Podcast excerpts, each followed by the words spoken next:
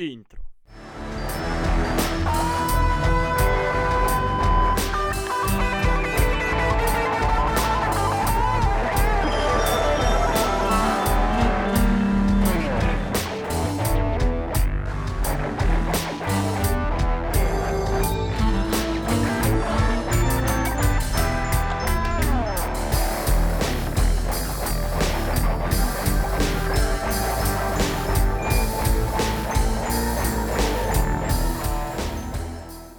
Facebookowym poście 10 stycznia, w dniu rocznicy śmierci Davida Bowiego, nieśmiało zasugerowałem kontynuację wątków z poprzedniej rozmowy o albumie Blackstar. Tak się złożyło, że 23 stycznia 1976 roku, czyli 45 lat temu, został wydany krążek Station to Station. Z tej okazji zapraszam na kolejną rozmowę z Bowiem w roli głównej. Moim gościem jest Bartłomiej Pasiak, prowadzący portal kulturowy Pasem po czole. Witam cię serdecznie, bardzo dziękuję, że jesteś tutaj ze mną dziś. Witam Cię i bardzo dziękuję za zaproszenie i możliwość porozmawiania o tak wybitnym artyście, jakim był David Bowie. Station to Station, dziesiąty album studyjny Davida Bowiego, wydany 23 stycznia 45 lat temu. Artysta prezentuje w nim postać białego, chudego księcia, y, White Finn y, Duke. I my na tej postaci skupimy się na początku tej rozmowy. Bardzo ciekawa postać i wydaje mi się, że taka postać, która dla Bowiego była bardzo ważna. Zdecydowanie była bardzo ważna, ale też chciałbym zauważyć, że była zupełnie inna. To było takie odejście zupełnie od tego glamowego Bowiego, którego tak chyba najlepiej znamy. I nagle on pokazuje siebie zupełnie innej strony. Zresztą to było, ta jego przemiana dokonała się, mam powiedzieć, życiem w Stanach Zjednoczonych i zapragnął nagrać coś zupełnie świeżego, innego, taką od, swoją odpowiedź własną na soul. Jednocześnie tym swoim nowym wyglądem, według mnie, całkowicie zamieszał w swojej karierze. postanowił zamienić się w białego chudego księcia, postać bardzo kontrowersyjną, niezwykle, y, niezwykle kontrowersyjną, dlatego że no, niezbyt dobrze się kojarzył, a na pewno niezbyt dobrze kojarzył się w Stanach Zjednoczonych. To postać, która przypomina nieco faszystę. Tak, y, no, sam Bowie wtedy zaczął wygłaszać jakieś e, dziwne teorie, jakieś dziwne poglądy, tezy, które bardzo właśnie nawiązywały do faszyzmu.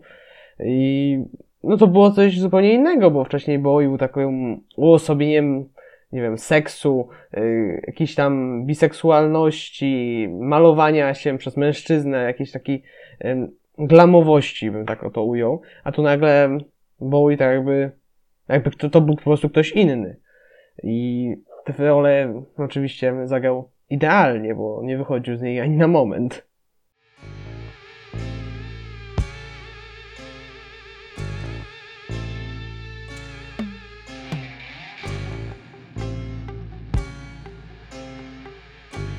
No jeżeli chodzi o rolę, to na pewno to na pewno nie album, ale film Człowiek, który spadł na ziemię, o którym rozmawiałem z Martą. To film y, z roku 75, w którym David Bowie zagrał główną rolę i zagrał człowieka Thomasa Newtona, o którym również właśnie wspominaliśmy, czyli osobę, y, która jest potężnym obcym, który przybywa na ziemię w celu jej podbicia, ale ulega ziemskim słabościom i staje się przeciętnym człowiekiem. I o tym Station to Station jest. To jest album o tym, jak się spada, podbity wątkami egzystencjalizmu, podbity wątkami właśnie faszystowskimi, ekspresjonistycznymi. Dziwna mieszanka, ale mieszanka, dla, która dla Bowiego była wtedy niezbędna. I ta, ten klasyczny wizerunek, w którym również zagrał w filmie, on był klasyczny pod takim względem, że to była biała koszula, czarne spodnie, idealnie nażelowane włosy i nawet srebrny krzyżyk. W ogóle Bowie nie mógł być z takim czymś kojarzony wcześniej. I ta kompletna zmiana wynika trochę z tego właśnie, jaki był ten film, ale trochę wynika też z tego, jaki wtedy był Bowie i jak odnosił się do rzeczywistości y, tamtych swoich lat. Wcielił się w tego Thomasa Newtona, jednocześnie pokazując tym wszystkim nie tylko rolę filmową, którą ktoś tam mu napisał, ale też swoje problemy, bo przecież uzależnienie od narkotyków. No, podczas nagrywania albumu Station to Station oczywiście najwięcej zażywał kokainy. I jak później mówił nawet w wywiadach, nie pamiętał tych nagrań e, tego albumu, więc mm, a jednym z wywiadów pamiętam, że powiedział, że żywił się wtedy tylko mlekiem i papryczkami bodajże, więc o historii tego powstawania Station to Station raczej y, z jego strony nie mogliśmy poznać, ale e, tak jak mówisz, no to jednak y, to wcielenie się w w tamtych czasach to jednak był taki najważniejszy element całej tej układanki, którą zatytułowano Station to Station. A wracając jeszcze do filmu, to też warto powiedzieć, że okładka płyty jest, nawiązuje do tego filmu i jest chyba tam kadrem z niego. Tak, i właśnie tego momentu zdjęcia Bowie nie pamięta. Nie ma pojęcia, co to jest za zdjęcie. Zobaczył je później i był zaskoczony, że w ogóle takie zdjęcie zostało zrobione, ponieważ nie zarejestrowała tego jego pamięć. Adolf Hitler był jedną z pierwszych gwiazd rock'n'rolla, prawie tak dobrą jak Mick Jagger.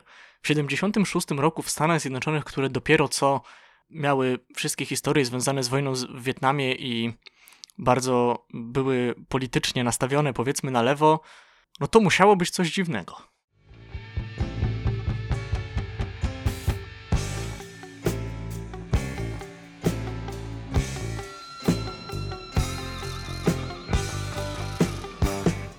Ja w tym momencie się dziwię, że go jakoś tam komercjalnie nie zjedli i nagle, że miały dalej jakiś odbiór, bo to brzmiało bardzo dziwacznie, te wszystkie jego poglądy. Nawet no, w dzisiejszych czasach, gdyby takie coś się wydarzyło, to zdecydowanie wielu ludzi by się oburzyło. To było bardzo dziwne, jak w ogóle to nie było kojarzone z Bowie, to nie mógł być Bowie, tak. Przynajmniej ja to teraz odbieram, jak, jak widzę tę historię po latach. To, to wygląda jakby to był ktoś zupełnie inny. No to był właśnie ten y, biały, chudy książę. No i właśnie Bowie mówi o tym, że to była komedia dell'arte, to nie było prawdziwe życie, to była komedia dell'arte podszyta bladą twarzą, białym ideałem mężczyzny oraz białą kokainą.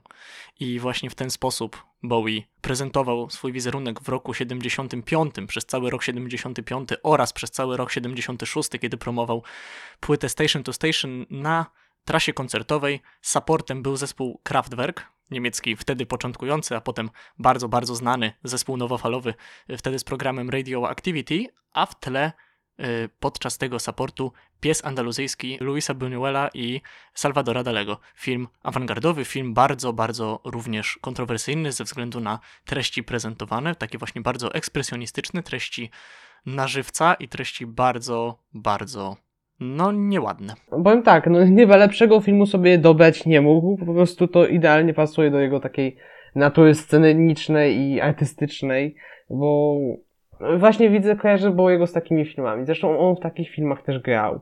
Jego wszystkie kreacje to są po prostu e, w tym stylu odniesione. Nawet jak grał Nikolę Tesla, to dalej jakoś tak było widać taką ciekawą ekspresję, taką zupełnie inną. Idealne połączenie muzyki z kinem. Interdyscyplinarność tego wszystkiego. Interdyscyplinarność na pewno to jest charakterystyczna cecha wielu albumów Bowiego, a tego szczególnie. No i ostatnim bardzo ważnym wątkiem w, całej, w całym wizerunku, który Bowie prezentował na Station to Station, to jest to, że jest to album na odchodne ze Stanów Zjednoczonych. To jest album, po którym David Bowie udaje się na stałe do Europy, przez Szwajcarię do Berlina Zachodniego, żeby wyprodukować najpopularniejszy w swojej karierze zbiór y, rzeczywistości, czyli trylogię berlińską. I wydaje się, że to niesamowite, że Station to Station to tak jakby stacja Ameryka zamieniana na stację europejską i to transpozycja również. Mm, dokładnie, no to była wielka zmiana w, u Bowiego, zresztą on uwielbiał te zmiany, a ja uwielbiam te zmiany u niego, bo to pokazuje, że sztuka nie musi być monotonna, tak jak płyty ACDC, tylko potrafi się zmieniać, ewoluować. Łączy elementy jakieś fantastyczne, elementy swojego życia, elementy komedii, kina i tworzy to w jedną taką całość i to jest właściwie artysta.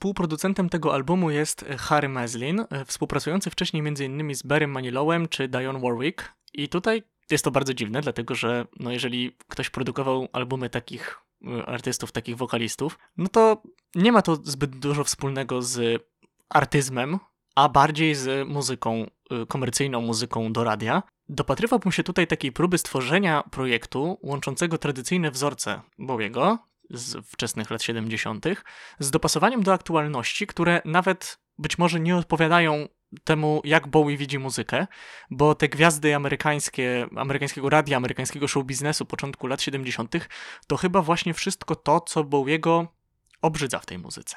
To jest właśnie fascynujące w tym albumie, że potrafił połączyć rzeczy, które niekoniecznie mu pasowały na, na własne życzenie i stworzyć coś tak wybitnego właśnie jak Station to Station. Tradycyjność albumu, jeżeli gdzieś istnieje, oprócz tego, że album jest właśnie fuzją, jest interdyscyplinarny, jest transpozycyjny, to o czym już powiedzieliśmy, to tradycyjność tego albumu przejawia się w formacie, w jakim został on wyprodukowany. Sześć utworów w 38 minut, ale najdłuższy z tych utworów jest y, na początku, jako pierwszy utwór i tutaj jest to tytułowe Station to Station, a kolejne pięć utworów to jest mniej więcej y, właśnie o podobnej długości, y, o podobnej długości pozostałe traki. I tak jest również na innych albumach z tego okresu te, które właśnie wypisałem sobie tutaj, wszystkie są późniejsze. Making Movies, Dire Straits, Risk, y, Chick, y, Trans Europe Express, Kraftwerk oraz y, sam Blackstar, o którym mówiliśmy z Martą, to również album, który odpowiada bardzo Station to Station, to znaczy właśnie jego długość, ilość utworów oraz to, że pierwszy utwór jest najdłuższym utworem, odpowiada temu y, wzorcowi, który tutaj został wyprodukowany i to, co łączy wszystkie te albumy, o których powiedziałem, to jest fakt, że chcą pokazać muzykę w jak najczystszej postaci. To znaczy, ważne jest właśnie to, żeby tutaj niezbyt dużo pokazać kombinowania, tylko pokazać już to, co jest gotowe, perfekcyjne i klasyczne. Klasyczność muzyki powinna zostać pokazywana, eksponowana, a nie takie robienie czegoś na siłę. Bowie na przykład miał mnóstwo albumów, ale nie możemy powiedzieć, że one były robione na siłę one się różnią, one mają jakieś, one są spójne, tworzą jakieś e, rozdziały w jego karierze. Jego można porównać do jakiegoś wielkiego pisarza fantazy, który tworzy jakieś swoje kolejne dzieła. Czasem się od nich um, odłącza i pisze coś zupełnie innego, i czasem wraca, czasem rozwija jakieś uniwersum, i to, to jest wspaniałe. Że on jest takim um, pisarzem w tym wszystkim i potrafi wpisać swoje jakieś zauroczenia, fantazje w to, co chce tworzyć, jednocześnie idąc na przykład taką klasycznością, czyli ten 6 utworów na 38 minut i te albumy, o których y, wspomniałeś. Z albumem Making Movies, o którym no, nagrałem podcast 17 y, października zeszłego roku y, z okazji 40-lecia jego wydania, łączy osoba Roya Bitana, to klawiszowiec i street band Bruce'a Springsteena i również gra tutaj na Station to Station swoje partie klawiszowe no myślę, że to jego jedno z takich dzieł, gdzie pokazuje pełnię swoich możliwości. Oj tak, tak, zdecydowanie się zgodzę. Roy Beaton to jest um, wielki artysta, zwłaszcza no, najbardziej mi się kojarzy właśnie z Bruce'em Springsteenem, jego E Street Band, no ale też tam występował, tworzył z Dire Straits, czy tam Peterem Gabrielem, więc jego wachlarz jest naprawdę bogaty, nawet z Bonnie Tyler mu się zdarzyło współpracować, więc y, jak najbardziej na Station to Station wiadomo, fortepian jest najważniejszym instrumentem, chociaż bas również wymiata, ogólnie wszystko wymiata, bo jest wszystko tak dograne. Może za pierwszym razem ci powiem, ta płyta y, nie, nie zrobiła na mnie takiego wrażenia, ale później, jak zacząłem to rozkładać, te wszystkie instrumenty w swojej głowie, ten wspaniały fortepian właśnie Rolia Abitana, i to po prostu przemawia do mnie zwłaszcza. Ale ten płyta mogłaby być instrumentalna i tak by była genialna. Chociaż wiemy, jak ile dodaje do tego wokal, bo jego, jego świetne teksty.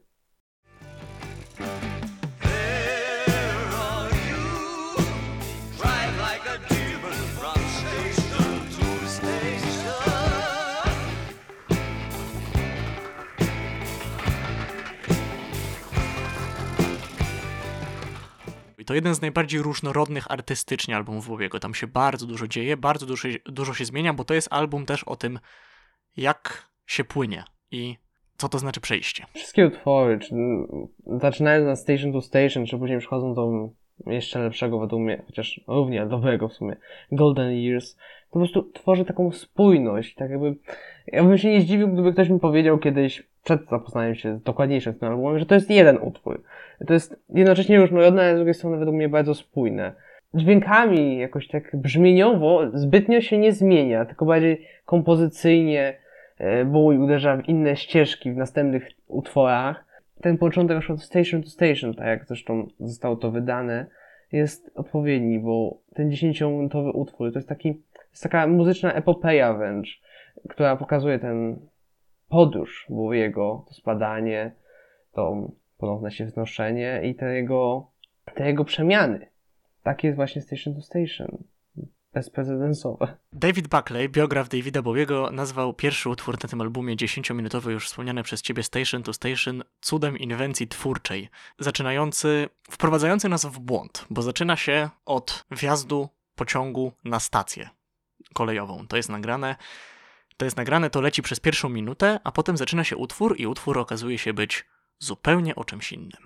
Bo zdecydowanie jest mistrzem udziwnień, zmian i tym podobnych rzeczy. I ja lubię ogólnie dziwność, takie bizarność, może jakby to Olga Tokarczuk powiedziała. Ten utwór jest dwuczęściowy. Pierwszą część moim zdaniem dominuje, no może dominuje trochę Bitan, ale może dominuje również trochę George Murray, basista na tym albumie, który moim zdaniem no wymiata po prostu, wymiata, bo nie, nie da się tego inaczej nazwać. Niesamowite są ścieżki basowe na całym tym albumie, ale na Station to Station tytułowym również niesamowite, jak dobrze ten album jest nagrany.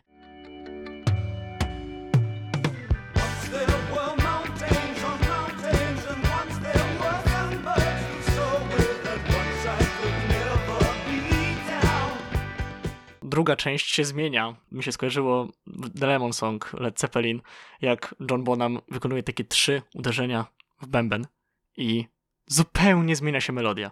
I tutaj, 7 lat po Led Zeppelin, robi to David Bowie, robi to jeszcze trochę inaczej, robi to lżej, troszkę subtelniej, ale z niesamowitym efektem zmiany i pokazania, że na tym albumie rządzą dwa porządki. Pierwszy to jest ten właśnie bas, bardziej jazzowy, wskazujący na taką powolność kompozycji, na taki soul, spokojny, pokazanie tej duszy, tej duszy, której może trochę na tym albumie brakuje, bo nawet Bowie w 77 w wywiadzie dla Cream powiedział, że w albumie słychać zanik ducha i nawet piosenki miłosne, które potem, o których potem porozmawiamy, są go pozbawione. Ale uważam, że to fascynujące i właśnie fascynujące jest to, że w tych piosenkach jednocześnie, że one trochę, te wolniejsze, te, te które będziemy nazywać typem pierwszym, one są nieco wolniejsze, nieco, nieco spokojniejsze i one są uduchowione bez ducha? Jak to możliwe?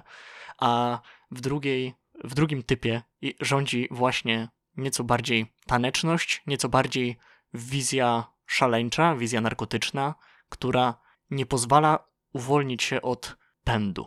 To już, jak mówisz, że uduchowiony bez ducha.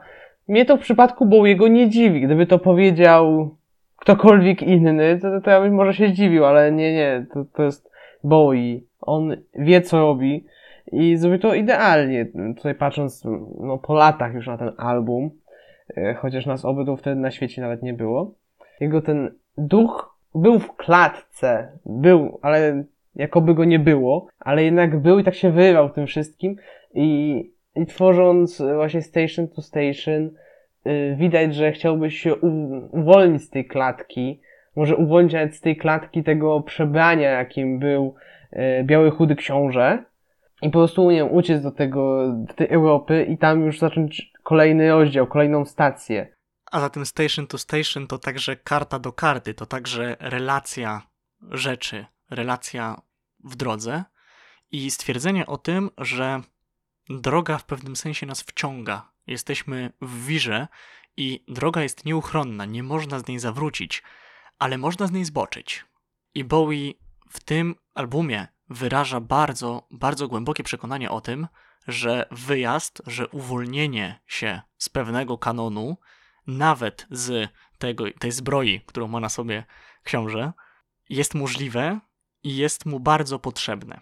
No, czasem, czasem w życiu każdego człowieka pojawia się taki moment, w którym chcemy rzucić wszystko i wyjechać w Bieszczady. I tak samo David Bowie, może niekoniecznie w Bieszczady, ale bardziej do Berlina, y, chce uciec i tam, tam na nowo odkrywać swój umysł, jednocześnie porzucając to, to co go przytłaczało y, ewidentnie. I jego jego postać też zbliża się do rychłego upadku.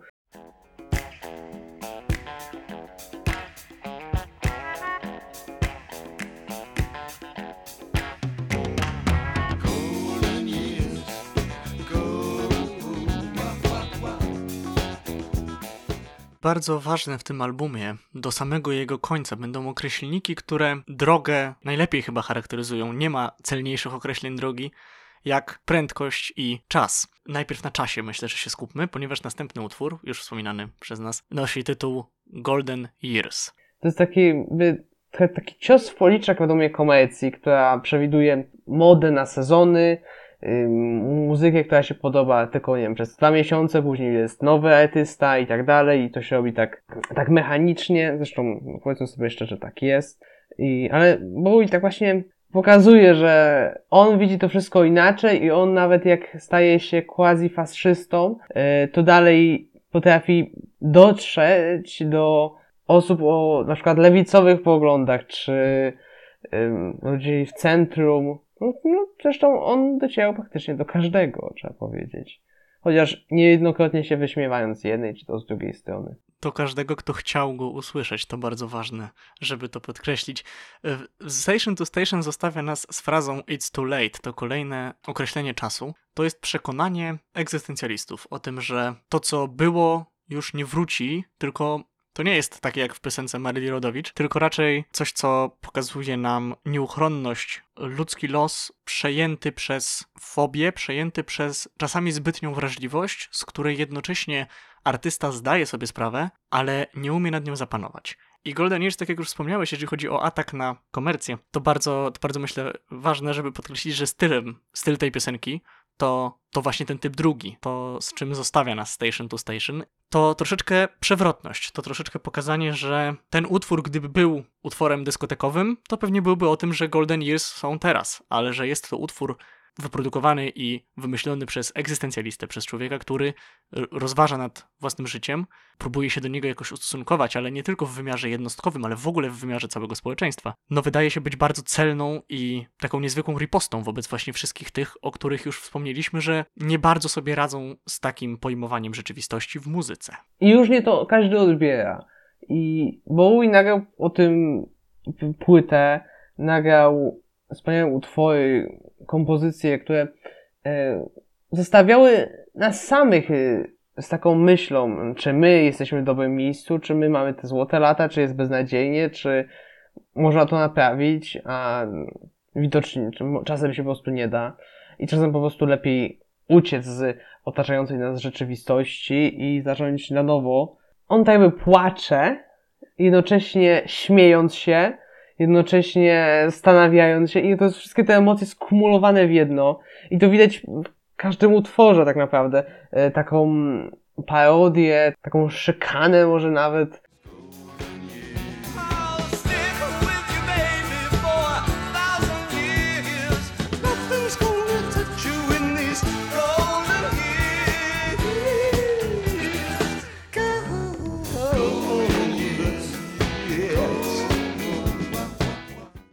to przejście z muzycznej Ameryki do muzycznej Europy. Young Americans poprzedni album, a teraz Station to Station, a następny album Low, czyli bardzo wyraźna droga. Tak jakby pokazuje nam, że w pierwszej był Bogiem, w drugiej był Herosem, a w trzeciej jest już tylko upadłym człowiekiem i może, może tutaj w tą stronę zbliżanie się pasuje do, yy, do tej stylistyki, o której mówimy, która wpłynęła potem na całą karierę Bowiego, na pojmowanie jego muzyki przez licznych krytyków, ale w temacie jeszcze muzyczności utworu Golden Years jest to pierwszy singiel z tej płyty. To jest utwór, który zapowiedział tę płytę i bardzo często zdarza się tak, że jeżeli mamy singiel zapowiadający płytę, to on jest niereprezentatywny dla płyty.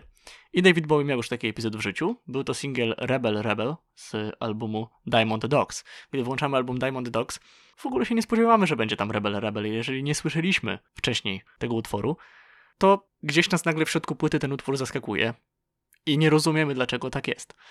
Tutaj na szczęście w Station to Station broni tego utworu, ta druga część Station to Station i pokazująca nam, że właśnie też w tej stylistyce ten album będzie się obracał.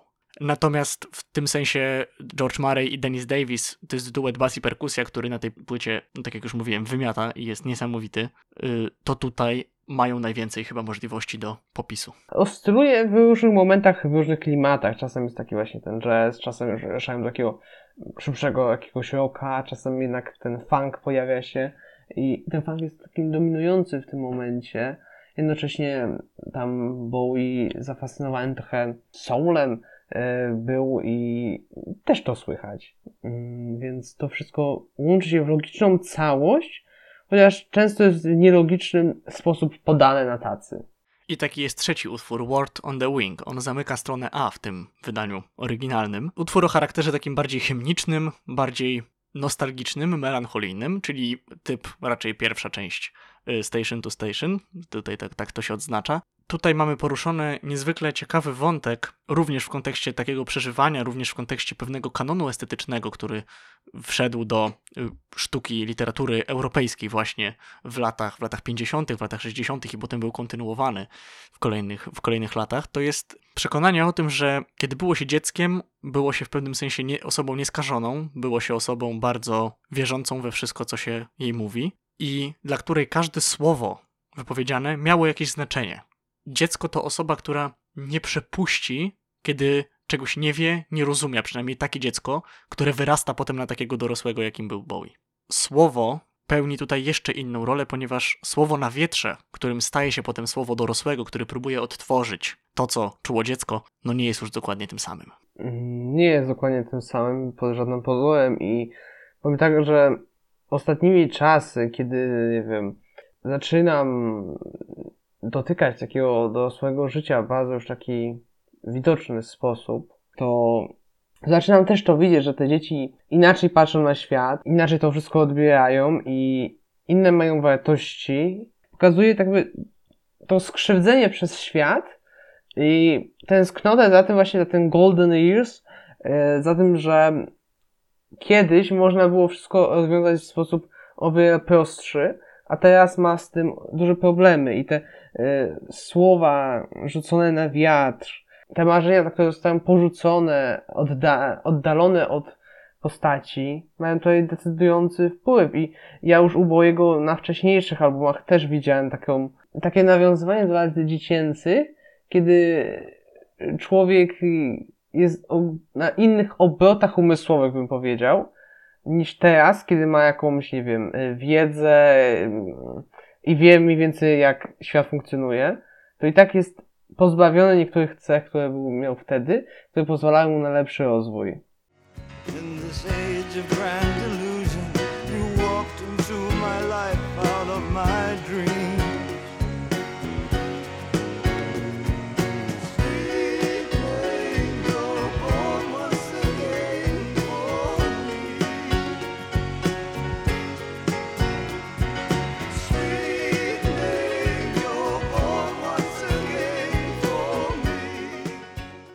Słowo rzucone na wiatr to takie słowo, za które nikt nie ponosi odpowiedzialności, słowo, za które, które jest rzucone nie po to, żeby przekazać jakąś prawdę, tylko po to, żeby po prostu coś powiedzieć. I, i na to się Bowie nie zgadza. Z tym Bowie ma problem, ale jednocześnie ma świadomość, że taką relację przeżywa Biały Książę albo Bowie z Bogiem.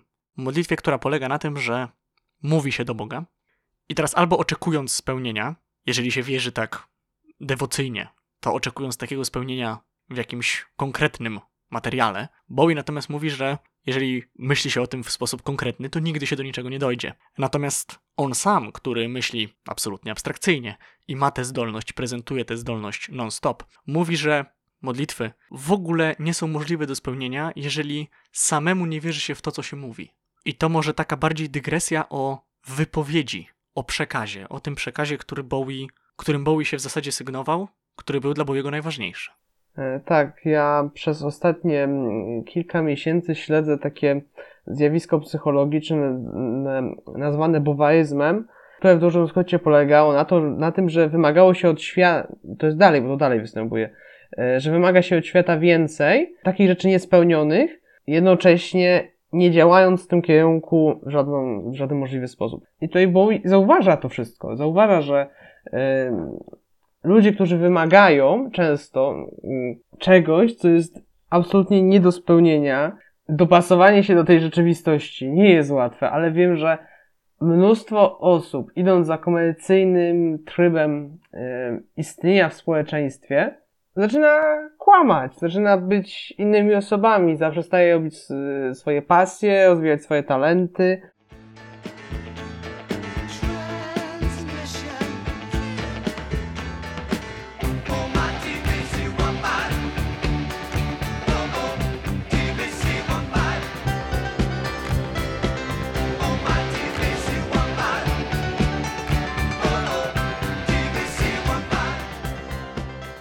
A wyjątkowym przykładem popisuje się Bowie, jeżeli chodzi właśnie o takie zestawienie artefaktu ze świata przeciętnego z artefaktem ze świata abstrakcyjnego w kolejnym utworze po przewróceniu płyty na drugą stronę, nałożeniu igły TVC-15.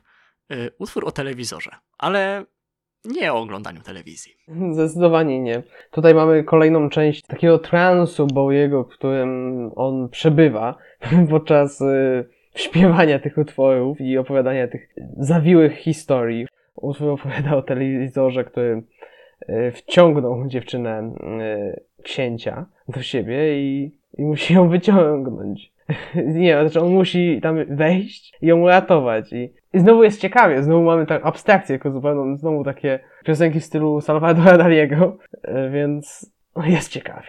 To jest utwór, który prezentuje nam troszeczkę demonizm tej drugiej części bo to druga część Station to Station patronuje nad utworem TVC-15. Przede wszystkim w ogóle to Bowie tą historię doskonale zapamiętał, bo wizji narkotycznych można nie pamiętać, tak jak na przykład nie pamiętał nagrywania filmu czy momentu robienia zdjęcia na okładce, ale można również doskonale pamiętać i tę wizję Bobby zapamiętał do tego stopnia, że przełożył ją na piosenkę, która jest nawet drugim singlem z tego albumu. W oryginale ta historia wygląda tak, że y, Iggy Pop i David Bowie zrobili sobie sesję narkotyczną i okazało się, że obok siedząca dziewczyna Iggy'ego Popa została wciągnięta przez telewizor. I jest to historia zrodzona w Bowiego głowie naturalnie, znaczy rzeczywiście, w, w, czasie rzeczywistym i w przestrzeni rzeczywistej, w sensie dla niego wtedy w głowie. I stąd może taki, taki wyraz, ale stąd też taki demonizm, bo być może on sam się troszeczkę przestraszył tego, o czym tutaj rozprawia. Tutaj niby mamy tę wersję oczywiście fantastyczną i Mm, e, abstrakcyjną, gdzie ta dziewczyna jest wciągnięta do tego telewizora, ale tutaj też możemy się e, doszukiwać antykomercyjnych, coś mi siadło teraz ten antykomercjalizm w tym, na tej płycie. E, więc to jest znowu możemy, że kogoś pochłania ta telewizja, wszystko co widzimy w niej i tak dalej. Można się doszukiwać takiego znaczenia. Oczywiście to jest narkotyczna wizja, która tak jakby nie ma żadnego znaczenia, ale dla Bowiego była na tyle ważna i intensywna, że pojawiła się na tym albumie. Mówiliśmy już o tej nieuchronności drogi i tutaj nieuchronność drogi też polega na tym, że książę nie ma żadnych wątpliwości, że musi w ten wir wpaść, że musi również dać się wciągnąć przez telewizor, ograniczoną jednak przestrzeń, z której no nie wiadomo, czy jest powrót, czy nie. I dlatego y, czasami nie jest to takie oczywiste.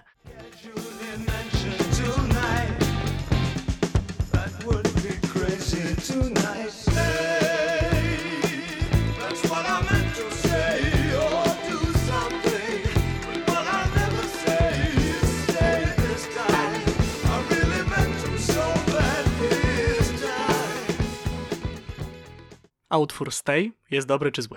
Nie, tutaj nie widzę słabego utworu na tej płycie, to też trzeba powiedzieć, ale no Stay też jest ciekawy. Piąty utwór na tym albumie opowiadający o tym, że trzeba czasami się zatrzymać. I do tego ja za chwilę wrócę, natomiast zadałem takie pytanie celowo, bo to, albo, bo to utwór również odbiegający od takiej ogólnej prezencji Bowiego, od ogólnej stylistyki Bowiego lat 70., tych właśnie do trylogii berlińskiej, bo ten dziesiąty album Station to Station zamyka ten pierwszy okres tak definitywnie, mówiąc o nim jako o jakiejś ciągłości, może ciągłości, która też ma poszczególne człony rozbite w środku, ale będąca pewną całością. Tutaj natomiast jest to y, odcięcie i na koniec jeszcze, jeszcze przed, przed samym końcem, bo jeszcze nam jeden utwór został, ale przed samym końcem pada taki utwór, który może się wydawać, że nie pasuje, bo o ile Golden Years muzycznie był niereprezentatywny, to Stay nie przystoi takiego utworu grać może trochę.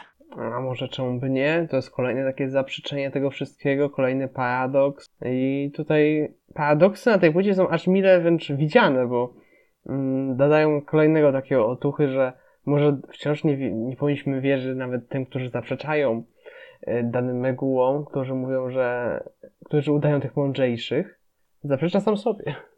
Mhm.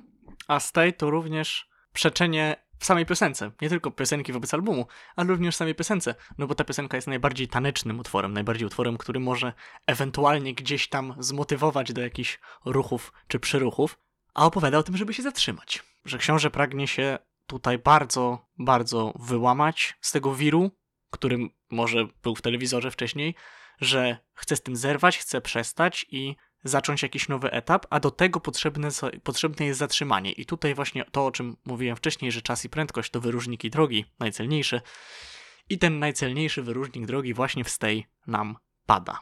I to dziwne, bo właśnie takie połączenie, które mówi nam o tym, żeby się zatrzymać, a jednocześnie bardzo szybko, ekspresyjnie mówi o tym. Tak, po prostu trzeba się szybko zatrzymać. A może, a może, może hamulec bezpieczeństwa. Tak, i taka poduszka powietrzna w twarz.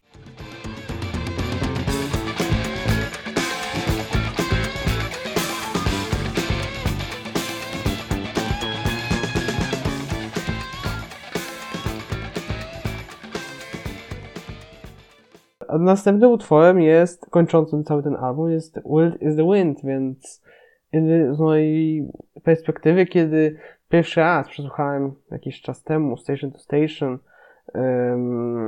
to właśnie ten utwór najbardziej mi się spodobał. Właśnie najbardziej ze mną został najdłużej. No i dzięki niemu też wracałem do poprzednich utworów i też jest na pewno wyjątkowy. Tylko, że tym razem w przeciwieństwie do tamtych jest to cover. Został pierwszy raz zaprezentowany w 57 w jakimś filmie, tak? E, I tam było właśnie wykonanie Johnego Matiza. Mm, no i, a później też powstała oczywiście wersja w wykonaniu słynnej Niny Simon, którą Bowie znał. Love me, love me, love me, love me, say you do, tak zaczyna się ta niezwykła piosenka. Ta piosenka, która pokazuje rozklejenie się Białego Księcia, która pokazuje, że on już nie ma siły i musi coś zrobić, bo inaczej może rzeczywiście, jak nie wciśnie tego hamulca bezpieczeństwa, to może rzeczywiście coś złego się stanie.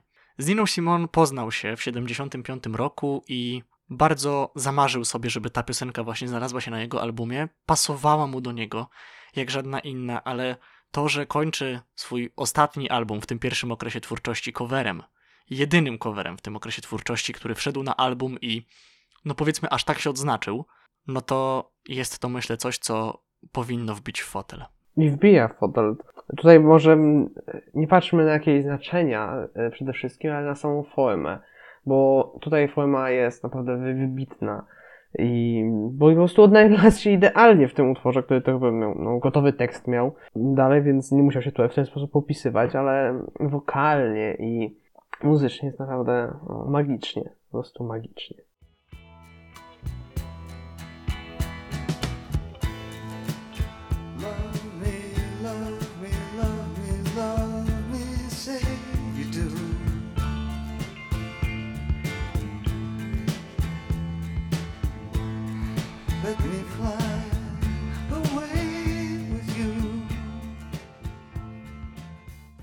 I drugi raz tematem utworu jest wiatr. I być może ten wiatr gdzieś tam z Bowiem zostaje. Być może ten wiatr to wiatr, który będzie przemieszczał się razem z nim, będzie szumiał w oknach pociągu między Szwajcarią a Berlinem. Być może to wiatr, który będzie towarzyszył mu podczas zwiedzania i oglądania bramy brandenburskiej. I on ten wiatr zabiera ze sobą. On, ten wiatr jest dla niego gwarantem tego, że jeszcze się właśnie nie skończyło, że ani narkotyki go nie zjadły, ani faszyzm go nie zjadł, nie zakręcił się, nie wkręcił się w coś do końca, tylko właśnie znalazł alternatywę i umiał w niej się odnaleźć i umiał tą alternatywą pięknie się posłużyć. Jak najbardziej, bo taka postać była bardzo problematyczna dla niego i na pierwszy rzut oka można było sobie powiedzieć, że no to nie pasuje do niego i nie, nie poradzi sobie z czymś takim. Jednak on po prostu zrobił swoje. Nagrał wspaniały album z niezwykle e, ciekawymi tekstami, które frapują nasze umysły 45 lat e, po wydaniu tego albumu wciąż i zastanawiamy się, o co mogło mu chodzić. Ja natomiast ten wiatr interpretuję jako tutaj też połączenie tej drogi, bo właśnie zmiany ze stacji do stacji, czy też może to zatrzymanie, ten wiatr może tak mocno wiać, wiać ci w twarz, że aż się zatrzymujesz, bo nie masz innej opcji, a na przykład chcesz iść w bok, bo i tam zacząć trasę, gdzie wiatr ci będzie wiarł od tyłu i będziesz miał ułatwione to. No i czasem też może znowu zacząć wiać w oczy, no i znowu trzeba by zmienić tę drogę. Może wrócić, może zmienić jeszcze bardziej. Także życie to jest niekończące się, niekończące się koło zmian I te zmiany są po prostu bardzo potrzebne i czasem wręcz jedyną opcją, żeby jakokolwiek żyć. No i Bowie pragnął tej zmiany i do tego pomagał mu, i w tym pomagał mu wiatr. Tak, to myślę bardzo trafiona interpretacja, bardzo, bardzo celna, bardzo ona mi się podoba i może też zostanie, mam nadzieję, z, ze mną i ze słuchaczami, którzy tej naszej rozmowy słuchają. Nic tutaj już nie zostało, zostaje wiatr, którym Bowie tym albumem żegna się z Białym Księciem, ze swoim pierwszym etapem kariery, z bardzo burzliwymi wydarzeniami, które były integralną częścią kariery, ale od których musiał się odciąć. Podejmowanie trudnych tematów, które pokazuje mu, jak bardzo ma rację, a jak bardzo się myli, które pokazuje mu, jakim jest człowiekiem i to, jak może się rozwinąć. Wspaniale przewidział swoją przyszłość. Niesamowitym artystą okazał się na tym albumie. I stąd to album absolutnie wyjątkowy, bezprecedensowy i po prostu wybitny.